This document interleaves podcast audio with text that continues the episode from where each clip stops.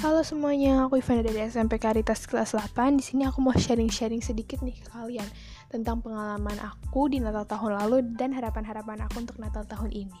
Menurut aku, pengalaman aku di Natal tahun lalu itu aku bisa ngadain banyak event secara offline dengan berkumpul bareng teman-teman, keluarga, dan orang-orang yang aku sayang dan juga dulu aku bisa ngerayainnya itu nggak hanya di Jakarta tapi aku juga bisa ngadainnya tuh di kampung aku terus juga um, dulu untuk kegiatan gereja aku satu bulan atau dua bulan sebelum Natal aku udah mulai ada persiapan Natal untuk gereja bareng teman-teman Miss Dinar. Tapi sekarang aku nggak terlibat dalam hal tersebut karena adanya virus ini dan umur aku juga belum cukup.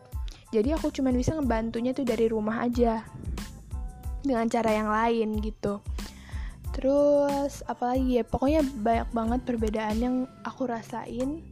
Terus kalau harapan-harapan aku untuk Natal tahun ini semoga Natal tahun ini bisa berjalan dengan lancar pokoknya acara-acaranya dengan meriah meskipun hanya dengan daring atau online. Terus semoga aku dan keluarga juga bisa beribadah dengan lancar dan inilah sedikit ceritaku tentang Natal tahun lalu dan harapan aku untuk Natal tahun ini. Terima kasih, jangan lupa pakai masker, jaga jarak, dan mencuci tangan ya teman-teman. Dadah!